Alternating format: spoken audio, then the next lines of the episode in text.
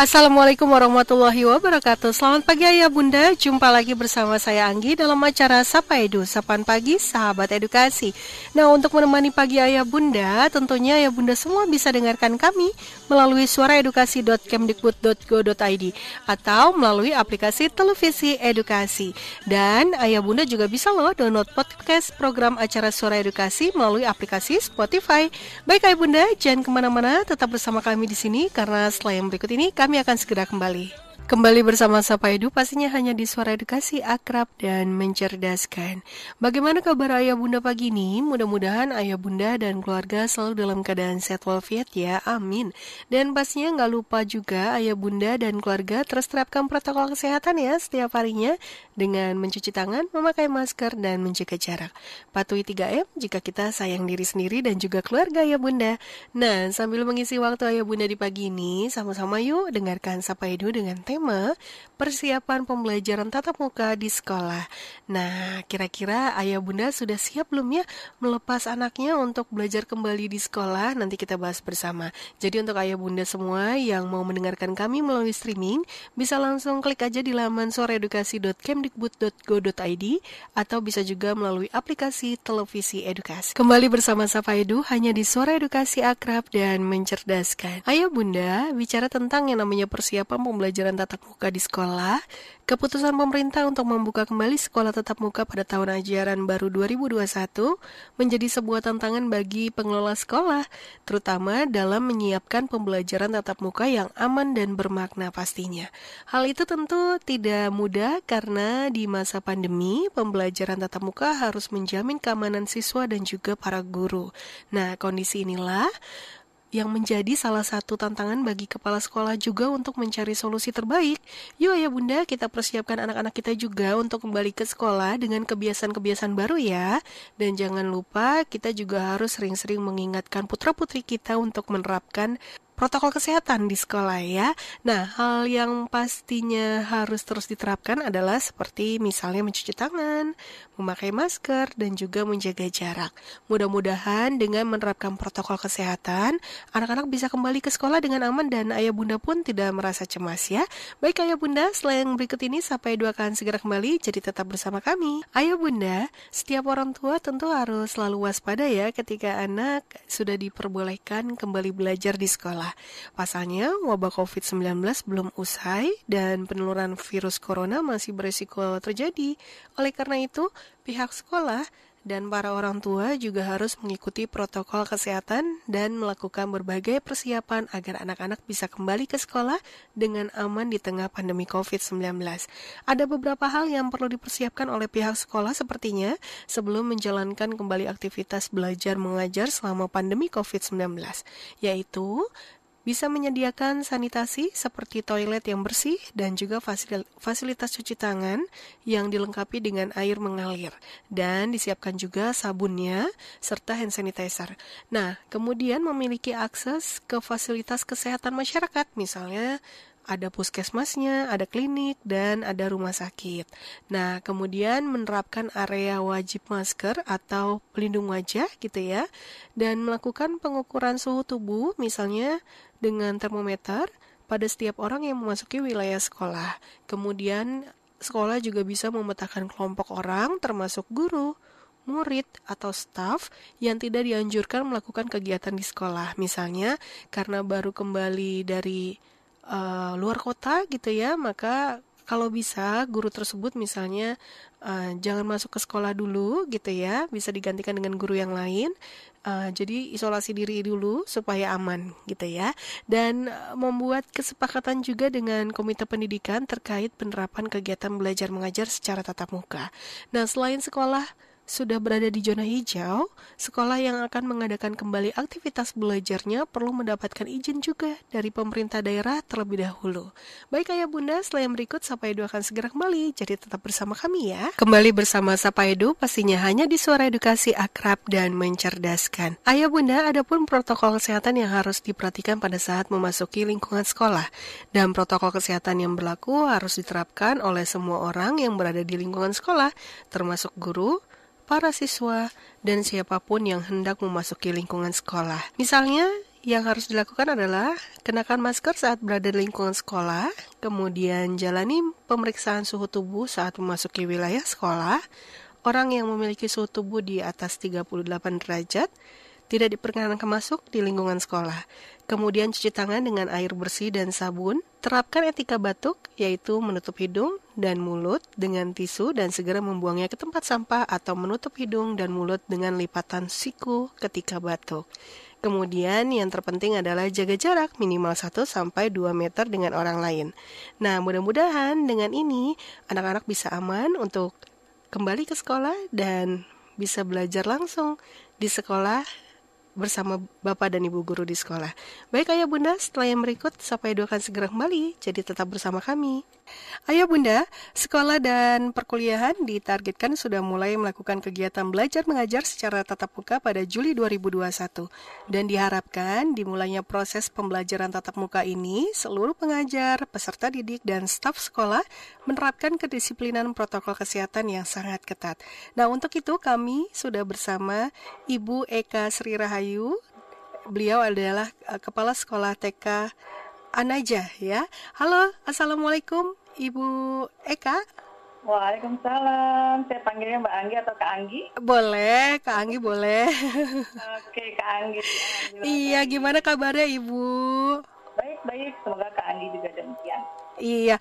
Nah, Bu, ini kita mm. lagi panas-panasnya juga ya. Sering banget ini dibahas tentang uh, pembelajaran tatap muka yang direncanakan oleh pemerintah pada Juli 2021. Nah, apakah sekolah Ibu sudah siap untuk melaksanakan tatap muka kembali, Bu, dengan menerapkan aturan penyelenggaraan pembelajaran pada masa pandemi? Bismillah, insya Allah siap. Mm -hmm. Karena uh, kita sudah tahu ya kalau Jakarta sudah keluar dari zona merah. Ya kemudian wilayah sekolah kami juga masuk zona hijau. Mm -hmm. Jadi uh, yakinlah, insya Allah uh, kami siap uh, bila dilakukan uh, tatap muka di tahun ajaran baru nanti. Baik, jadi dari TK aja sudah siap ya Bu ya. Dan apa yang telah sekolah Ibu lakukan untuk memenuhi persyaratan pembukaan kembali sekolah pada Juli 2021 nanti Bu? Ya, uh, tentu Anggi ya. Mm -hmm. e, pertama itu kita persiapan dulu sarana prasarananya, mm -hmm. e, yang tentunya e, terkait dengan protokol kesehatan yang sudah e, ada pakemnya, mm -hmm. ada aturannya yang dikeluarkan oleh dinas pendidikan. Yeah. Jadi tidak sembarangan sekolah boleh buka kalau belum memenuhi persyaratan tersebut. Betul. Jadi uh, saya siapin deh tuh uh, sarana prasarananya. Uh -huh. dari tenaga pendidiknya juga saya persiapkan. Kemudian kalau sekolah tuh harus menyiapkan uh, kayak apa hand wash portable, uh -huh. masker, alat mengukur suhu gitu. Jadi uh, segala hal yang terkait persiapan pembukaan sekolah, insya Allah kita sudah persiapkan. Walaupun nanti ada penambahan-penambahan lain, uh -huh. dengan berjalannya waktu kita akan penuhi. Iya baik, jadi kalau untuk sarana prasarana insya Allah sudah memenuhi protokol kesehatan ya Bu ya. Hmm. Dan apabila proses pembelajaran secara tatap muka dilakukan kembali, apa yang harus orang tua persiapkan dari sekarang nih Bu? Nah, nah, nah, ini yang banyak nih. Iya betul. Eh, kesiapan ya yang harus orang tua siapkan. Uh, pertama pastikan uh, anaknya dalam kondisi sehat Betul. Anaknya dalam kondisi sehat, uh -huh. juga sehat, uh -huh. kan? Kemudian uh, orang tua uh, bisa diskusi atau uh, berbicara uh, kepada anak tentang uh, nanti di sekolah bagaimana nih. Uh-huh. kan uh, pasti beda dengan sebelum pandemi Betul. dan pandemi gitu yeah. tatap muka. Kemudian uh, memberikan pengertian gitu pada anak-anak khususnya bagaimana sih uh, nanti di sekolah gitu kan? Hmm. pasti pakai masker semua nih Kak Anggi. Iya. Nah, rencananya sih uh, kalau di TK itu kan pasti lucu-lucu ya itu maskernya. Betul. Akhirnya gini, ih masker kamu bagus, boleh nggak aku pinjam? Nah. kemungkinan uh, kita seragamkan masker hanya diberi logo atau nama, mm-hmm. jangan bertukar dengan mm-hmm. lain seperti itu.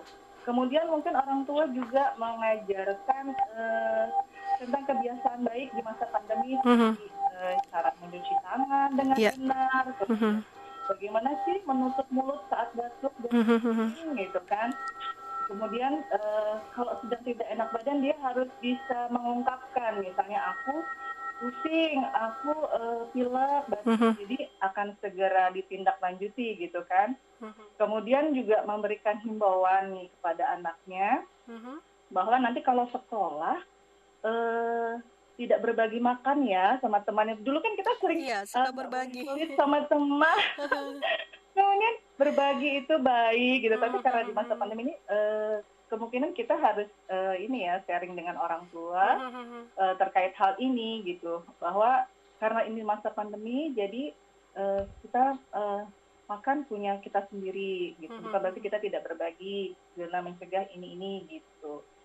Kemudian dikasih tahu juga bahwa sebenarnya penyakit covid itu memang berbahaya Betul. tapi tidak menakutkan gitu loh. Iya. jangan sampai anak itu ditakut-takuti covid gini gini gini gitu khawatirnya jika ada teman yang pernah terpapar kemudian masuk nanti dijauhi. Iya. Gitu. Uh -huh. nah, jadi butuh pendekatan-pendekatan seperti itu sih dari orang tua. Iya baik, memang. Gitu kan.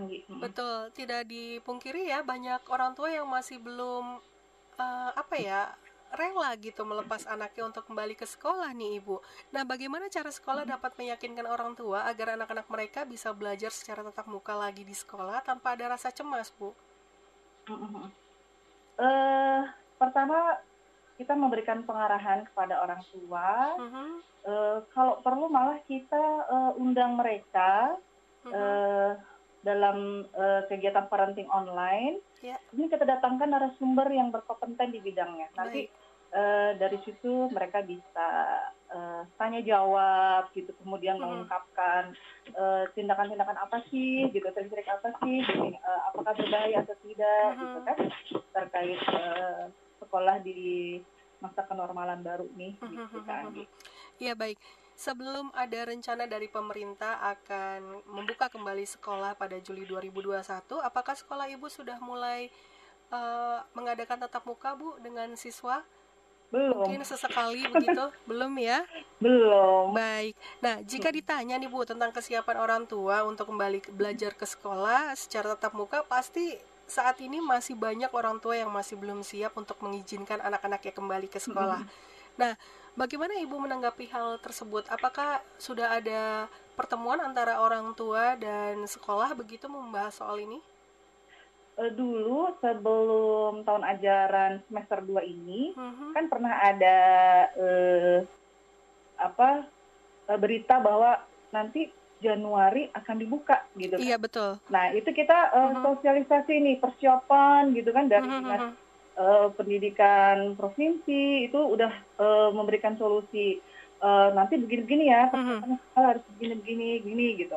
Kemudian juga pengawas kita juga menghimbau bu uh, siapkan sekolahnya orang tuanya juga diberikan edukasi terkait ini nanti kalau sudah siap kita akan tatap muka. Mm-hmm. Eh ternyata kurvanya mm-hmm. naik gitu kan? Mm-hmm. Jakarta uh, zona merah waktu itu kalau nggak salah ya. Betul. Jadi uh, ya itulah jadi tidak jadi uh, mm-hmm. tatap muka, tapi mereka sudah kita berikan uh, paling tidak sudah ada bekal ya mm-hmm. pada saat uh, sebelum tahun ajaran kemarin Uh, Januari mereka sudah tahu gitu mm-hmm. uh, apa.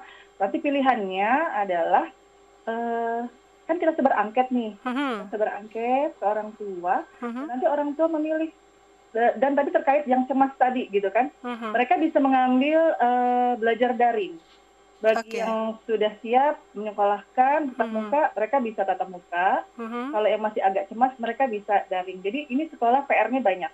Betul. Selain uh, memberikan pengajaran dengan tatap muka, yeah mereka apa sekolah juga menyiapkan uh, pembelajaran untuk mereka yang tidak datang ke sekolah gitu. Iya. Jadi inilah luar biasanya betul sekali uh, sekarang. Iya, berarti iya, sekolah memberikan memberikan pilihan kepada orang tua ya Bu ya. Jadi iya. kalau orang tua belum siap, silakan mengikuti pembelajaran jarak jauh kembali. Iya. Jika sudah siap, silakan untuk tatap muka begitu ya. Iya, nah dari ada haknya ya. Betul. dari uh, pembicaraan kemarin bersama orang tua kira-kira bagaimana uh, tanggapan orang tua Bu? Apakah banyak yang menyetujui untuk tatap muka ke sekolah atau bagaimana? Hmm, pada saat kemarin uh, dari hasil angket dan sosialisasi, mm-hmm. -huh. ternyata banyak orang tua sebenarnya pengen sekali uh, ada sekolah tatap muka kembali gitu, Mhm. lagi gitu. Betul. Karena memang eh, luar biasa Mhm. mengajar anak-anak usia dini di Mhm. rumah gitu. Jadi eh, orang tua sebagian besar menginginkan sekolah dibuka kembali. Gitu Kak Anggi. Oke, baik. Berarti ini benar-benar PR dari sekolah ya, Bu, karena memang kalau untuk anak usia dini susah sekali sepertinya ya untuk Iya betul. diarahkan begitu artinya uh, kalau sudah ketemu teman-temannya tidak mungkin dia bisa jaga jarak, tidak mungkin dia tidak pegang-pegangan atau sebagainya ya, Bu. Jadi ini benar-benar PR yang luar biasa sekali untuk para guru di TK dan PAUD ya, Bu ya. Iya betul Kak Baga-. Nah, Ibu ini pengen tahu banget nih, bagaimana dengan animo peserta didik di sekolah Ibu pada tahun ajaran baru di tengah pandemi seperti ini, Bu? Apakah uh, tetap sama pada tahun kemarin atau melonjak malah justru? Oke. Eh, tentunya ada dampak ya Mhm. dari eh, pandemi ini. Ya. Eh, memang tidak seramai eh, tahun sebelum pandemi. Mhm. gitu walaupun tidak terlalu signifikan ya Ya. Eh, intinya masih eh, apa memenuhi kuota gitu cuma Hmm. memang eh, agak sepi gitu dibandingin tahun lalu itu ramai banget gitu ya Mhm. Eh, dan itu kita maklumi kita maklumi eh, memang orang tua itu menyekolahkan anak di TK atau PAUD itu kan memang ingin eh, anak itu belajar bersosialisasi Betul. bagaimana sosial emosionalnya di sekolah gitu kan Mhm. bagaimana enam aspek perkembangannya bisa berkembang di sekolah gitu. Nah kalau eh, di rumah belum tentu orang tua eh, paham gitu Mhm. untuk memberikan hal seperti ini. Ini yang menjadi PR bagaimana kita guru itu mm, memutar otak, bekerja keras, menghadirkan sekolah ke rumah gitu, Mhm. suasana sekolah ke rumah dengan eh, itu tadi ada video pembelajaran, Iya. ada eh, dengan aplikasi Zoom atau Mhm. video call Mhm. seperti itu Kak Anggi. Jadi eh, tadi sudah saya sampaikan, memang eh, pasti ada dampak dari Betul. eh, pandemi ini. Ya, sebelum kita bicara tentang dampak dari pembelajaran jarak jauh nih Bu, uh, Mhm. untuk siswa-siswi, uh, boleh diceritakan sedikit berdasarkan catatan dari para pengajar di TK Anajah ya Bu. Mhm. Ini untuk anak-anak pada saat Hmm. wah kita sudah lama sekali ya untuk uh, pembelajaran jarak jauh ini sudah setahun kurang lebihnya. Nah, sampai dengan saat ini apakah antusias siswa masih seperti pertama-tama melakukan pembelajaran jarak jauh atau bagaimana, Bu? Eh, maaf Kak Anggi, bisa diulang yang terakhir? Iya, jadi antusias anak-anak. Saat melakukan pembelajaran jarak jauh, apakah masih sama dengan saat-saat pertama kali melakukan pembelajaran jarak jauh dengan sekarang? Oh oke. Jadi pada saat pembelajaran jarak jauh pertama kali ya, Mhm. eh, alhamdulillahnya karena ini kan sudah setahun, Mhm. lama-lama terbiasa. gitu. Sudah terbiasa ya, berarti Terbiasa. antusiasnya masih terus ya Bu ya Nah, untuk belajar. kan, Mhm. Kemungkinan kan guru-guru itu dalam setahun ini mereka belajar, Betul. belajar mencari eh, apa, bagaimana cara memotivasi anak Mhm. dengan mungkin membuat video pembelajaran yang Betul. menarik, Mhm. kemudian eh, apa pembelajaran yang tidak hanya itu itu saja gitu kan. Jadi eh, guru itu luar biasa sekali dalam membuat anak-anak itu mm, mau belajar di masa pandemi Mhm. gitu. Dan tentu saja hal ini harus didukung oleh orang tua di rumah. Betul. Mhm. Makanya saya pernah masuk ke ke kelas gitu Mhm. kan, ikut join gitu Zoom dengan eh, guru saya dan anak-anak Mhm. itu luar biasa. Dari yang pertama kali saya lihat itu Mhm. ada yang cuma diam saja, Mhm. ada yang kita lihat kursi kosong, nggak ada penghuninya gitu. Ada yang masih di tempat tidur, ada Oke. yang lari-lari gitu kan. Masya Allah luar biasa sekali ya. Ini pertama, aduh itu stres stres banget deh. Iya, Karena pasti anak jenuh, bosan. betul, betul. Uh, uh, karena kita belum tahu triknya, kan kaget nih ceritanya. Iya, iya. Uh, nah setelah ke sini itu saya lihat waktu uh, saya join kembali Mhm. ada peningkatan sih. Jadi anak-anak itu sudah bisa uh, mute, Mhm. mute, gitu. Mhm. udah sudah bisa uh, apa ya beradaptasi gitu, Betul. dengan uh, pembelajaran jarak jauh ini. Ya tentu Mhm. saja dengan keahlian guru dalam membuat suasana yang menyenangkan belajar dari. Iya, baik. Jadi eh, seiring berjalannya waktu, para pengajar sudah tahu ya atau punya strategi sendiri untuk meningkatkan motivasi belajar pada anak-anak. Baik, bisa diceritakan Ibu keluhan yang paling banyak orang tua sampaikan kepada pihak sekolah selama pembelajaran jarak jauh, Bu? Uh, baik. Pertama mungkin jaringan ya. Betul. Kadang itu kan memang tidak semua jaringan di tempat tinggal mereka itu bagus. Iya walaupun di sekolah kita sudah uh, dari dulu sih sudah ada wifi sih yeah. kita nambah lagi nih mm -hmm. gitu kan mm -hmm. nah itu jaringan pertama mm -hmm. kedua um, ada anak yang tidak konsen belajar khususnya okay. anak kinestetik itu susah loh iya um, betul betul uh -huh. uh, susah dalam arti duduk manis mm -hmm. aja itu luar yeah. biasa mm -hmm. jadi inilah PR ibu guru bagaimana uh, memotivasi anak yang itu tadi uh, tidak bisa konsentrasi dalam belajar. Iya. Kemudian moody, mm-hmm. di mood gitu, bagus hari ini, besok lagi nggak bagus yeah. moodnya. Jadi ya itu tadi PR kembali. Mm-hmm. ada yang masih bobo, tidur. Iya iya. Jauh-jauh eh, jauh-jauh sebelum mulai itu kan sudah di uh, share gitu kan, mm-hmm. nanti uh, Zoom jam sekian, yeah. tolong disiapkan putra putrinya ayahnya mm-hmm. gitu kan. Mm-hmm Kemudian uh, dalam pengiriman tugas itu kadang memang hari ini kita tugasnya belajarnya ini ini, kadang mm -hmm. telat. Okay. Tapi itu kita tidak menjadikan hambatan, boleh dikirim mm -hmm. uh, semampu uh, orang tua dan anak tersebut bisa kirim. Mm -hmm. Kita memberikan kelonggaran waktu dalam yeah. pengiriman tugas karena keterbatasan pendamping di rumah. Betul. orang tua dua-duanya bekerja hanya ada dengan mbak mm -hmm. atau dengan nenek, kakek gitu. Mm-hmm. Kak Anggi uh, apa yeah.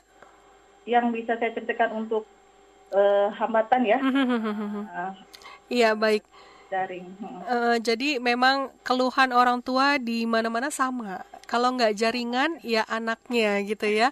Kalau iya. anak-anak usia dini memang kalau nggak mudi ya itu tadi ya bu ya. Jadi kita nggak boleh paksakan juga. Nanti malah jadinya ngambek atau nggak mau belajar lagi seperti itu. Iya, aduh ini PR kita bersama memang para ibu guru harus banyak-banyak sabar lagi. Bunda di rumah juga harus sabar ya bun mengajarkan anak-anaknya di rumah Nah, baik, bagaimana cara sekolah Ibu memberikan semangat dan apresiasi kepada guru, siswa, dan orang tua dalam keadaan seperti sekarang ini, Ibu? Uh, Oke, okay. untuk pertama mm-hmm. uh, di sekolah kami siswa itu kan ada kuota dari Kemendikbud. Kemendikbud, iya betul. Data Dapodik. Betul. Nah, Alhamdulillah sudah dapat. Sudah ya Bu ya. Dari uh, dari yayasan itu uh, kami berikan potongan SPP. Oke. Okay. Uh, setelah itu guru pun kita fasilitasi uh-huh. setiap bulannya kita berikan uh, apa uang paket data lah. Paket Kalau data kan ya. nggak punya wifi kasihan, uh-huh. gitu. harus beli paket data lagi kan kasihan. Gitu. Uh-huh. Sekolah memberikan kepada masing-masing guru uh-huh.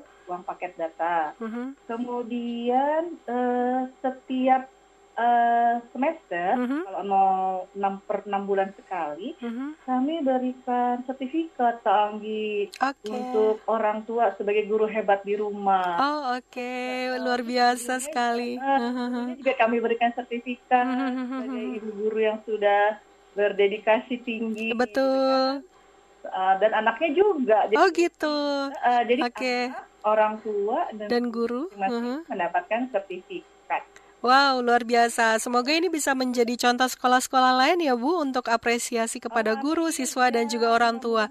Iya, jadi orang tua lebih semangat lagi ya untuk mendampingi anak-anak belajar di rumah. Betul sekali. Wah, luar biasa sekali. Baik, terakhir Ibu pesan dan harapan dong Bu terkait dengan tema kita pada hari ini. Uh, Oke, okay. kalau pesannya sih saya tetap jaga kesehatan dan mm -hmm. menjalankan protokol kesehatan ya di mana pun kita berada. Mm -hmm kemudian tetap semangat belajar dan mengajar. Nih bagi para pendidik dan siswa. Iya betul. Di mana pun berada, tetap semangat. Jangan jadikan pandemi itu uh, suatu hambatan buat betul. kita. Kemudian harapannya, ini harapan semua orang sebenarnya. Ya. Semoga pandemi cepat berlalu. Amin ya Allah. Kita bisa hidup normal kembali. Amin amin. Sebelum pandemi. Semoga diijabah Allah ya. Amin. Harapan kita iya. Betul sekali Ibu. Ini sudah apa ya terlalu panjang gitu ya. Dan anak-anak malah justru malah terlihat lebih takut ya Bu kalau misalnya melihat atau mendengar orang tua bicara tentang COVID-19 ya. Mungkin ini perlu edukasi lagi dari orang tua di rumah. Baik, terima kasih banyak Ibu Eka atas waktunya. Iya, Kapan-kapan kita ngobrol-ngobrol lagi ya. Sangat seru sekali. Baik, terima kasih banyak dan Ayah Bunda jangan ke mana-mana, tetap bersama kami di sini dalam acara Sapa Edu karena setelah yang berikut ini Sapa Edu akan segera kembali. Kembali bersama Sapa Edu hanya di Suara Edukasi Akrab dan Mencerdaskan. Ayo bunda, belajar di era new normal akan menjadi sebuah pengalaman baru untuk anak-anak kita semua ya. Tidak seperti dulu jika kita ingin ke sekolah yang harus kita siapkan itu adalah buku, tas, ataupun sepatu baru gitu ya. Nah sekarang selain hal tersebut tentunya ada juga yang harus kita ingatkan kepada anak-anak. Yang pertama kita harus ingatkan adalah memakai masker. Nah ini memakai masker ini adalah hal yang paling wajib dilakukan oleh anak-anak saat melakukan tatap muka di sekolah dan pada saat ke mana pun si anak keluar rumah gitu. Dan pastikan bahwa masker yang digunakan si kecil gitu ya memenuhi aturan kesehatan seperti tidak longgar, terus juga higienis dan dapat melindungi dari paparan virus. Dan yang menariknya ya Bunda, mungkin biar si kecil di rumah bisa lebih semangat lagi menggunakan maskernya bahwa kita semua tahu kalau anak kecil kan suka nggak betah ya bunda kalau pakai masker. Nah, ayah bunda bisa mengajarkan anak-anak untuk berkreasi dengan mewarnai bagian luar dari masker atau bahkan memakai warna masker yang paling disukai oleh si kecil pada saat pergi ke sekolah. Jadi gunakan waktu ayah bunda jika libur uh, bekerja atau mungkin seperti Sabtu dan Minggu untuk membuat kreasi pada masker si kecil biar tambah semangat lagi begitu ya atau bisa juga menggunakan uh, benang jahit bunda diberi nama gitu ya uh, atau mungkin eh, bentuk-bentuk kesukaan si kecil misalnya seperti bunga atau bentuk-bentuk lain yang simple aja dan ajak juga si kecil untuk melakukannya. Wah, ini menarik sekali ya. Nah, kemudian membawa perlengkapan untuk bersih-bersih ke sekolah juga sesekali boleh Bunda dilakukan oleh si kecil karena si kecil juga harus menjaga kesehatan pada saat kembali ke sekolah nanti. Bagaimana cara yang paling tepat dalam melakukan hal ini? Selain makan makanan yang bergizi dan minum banyak air putih, salah satu yang harus sahabat kecil edukasi lakukan eh, pada saat berangkat ke sekolah atau berada di sekolah adalah dengan menjaga kebersihan. Jika memungkinkan, pastikan bahwa anak-anak bisa membawa cairan pembersih tangan atau hand sanitizer dan juga bekalkan ia tisu basah bunda. Jadi bunda bisa memberi pesan kepada si kecil jika mau duduk atau mau menggunakan meja, kursi dan mejanya bisa di uh, lap dulu gitu ya menggunakan tisu basah. Atau ketika si kecil uh, mau membersihkan tangannya bisa menggunakan hand sanitizer. Kalau misalnya uh, tempat cuci tangannya agak jauh dari kelas begitu. Dan pastikan juga untuk mengingatkan si kecil untuk uh, menggunakan tisu basah ketika mau ke toilet atau ke kamar mandi. Misalnya ketika mau pegang pintu kamar mandinya, selalu ingatkan ia untuk uh, coba dipegang melalui uh, menggunakan tisu begitu ya. Atau ketika mau menggunakan toilet bisa menggunakan tisu dulu atau ada penyemprot atau pembersih khusus untuk toilet. Bentuknya sama seperti hand sanitizer. Dan tentunya ayah bunda juga bisa memastikan bahwa tempat belajar si kecil telah di uh, sanitasi ya sebelum kembali sekolah. Biasanya lembaga-lembaga pendidikan sudah menerapkan protokol dan juga aturan kesehatan sebelum tempat belajar dibuka. Dan pastinya juga Selalu ingatkan si kecil untuk tidak membuka maskernya dan menjaga jarak pada saat berada di sekolah. Baik ayah bunda, setelah yang berikut ini Sapa Edo akan segera kembali, jadi tetap bersama kami. Kembali bersama Sapa Edo ya bunda, dan untuk mempersiapkan anak kembali ke sekolah tentunya sangat penting memperhatikan dan menjaga sistem imun agar anak-anak kita tidak rentan terkena paparan virus. Tidak hanya itu, Kegiatan belajar memerlukan asupan baik bagi kesehatan otak dan saraf anak-anak agar terhindar dari paparan radikal bebas, serta bantu menjaga pembentukan dan fungsi otak sehingga dapat meningkatkan performa belajar pada anak-anak. Maka dari itu, siapkan anak-anak kita makan makanan yang bergizi ya bunda, dan ini harus terus dilakukan agar anak kita terjaga gitu ya imunnya dan anak-anak tetap bisa kembali ke sekolah dengan aman dan Bunda tidak perlu merasa cemas begitu. Dan tentunya pandemi telah mengubah segalanya termasuk pada peran orang tua dalam pendidikan anak saat diharuskan belajar di rumah. Sekolah yang selama ini tidak begitu melibatkan orang tua dalam proses pendidikan anak, kini mulai bebenah diri, yakni menjalin komunikasi dan juga kolaborasi yang pastinya orang tua harus membantu belajar di rumah. Namun, bagi orang tua yang tidak terbiasa mendampingi anak, ini merupakan hal yang baru dan menjadi tantangan baru juga. Mungkin untuk ayah bunda yang bekerja, begitu ya, uh, ini merupakan hal yang sangat-sangat uh, butuh waktu untuk mendampingi anak-anaknya belajar. Tapi di samping itu bunda harus tetap bekerja. Nah ini merupakan uh, suatu apa ya kebanggaan juga bisa dibilang karena dengan begitu, Bunda bisa menjadi lebih dekat dengan putra-putri di rumah. Baik, setelah yang berikut ini, sampai Edo akan segera kembali Ayah Bunda, jadi tetap semangat untuk mendampingi anak-anak belajar di rumah. Ayah Bunda, setelah anak-anak menjalani aktivitas belajar di rumah selama kurang lebih satu tahun lamanya, pemerintah mulai mempertimbangkan untuk membuka kembali sekolah dan memperbolehkan aktivitas belajar mengajar secara tatap muka terutama bagi sekolah yang berada di zona hijau.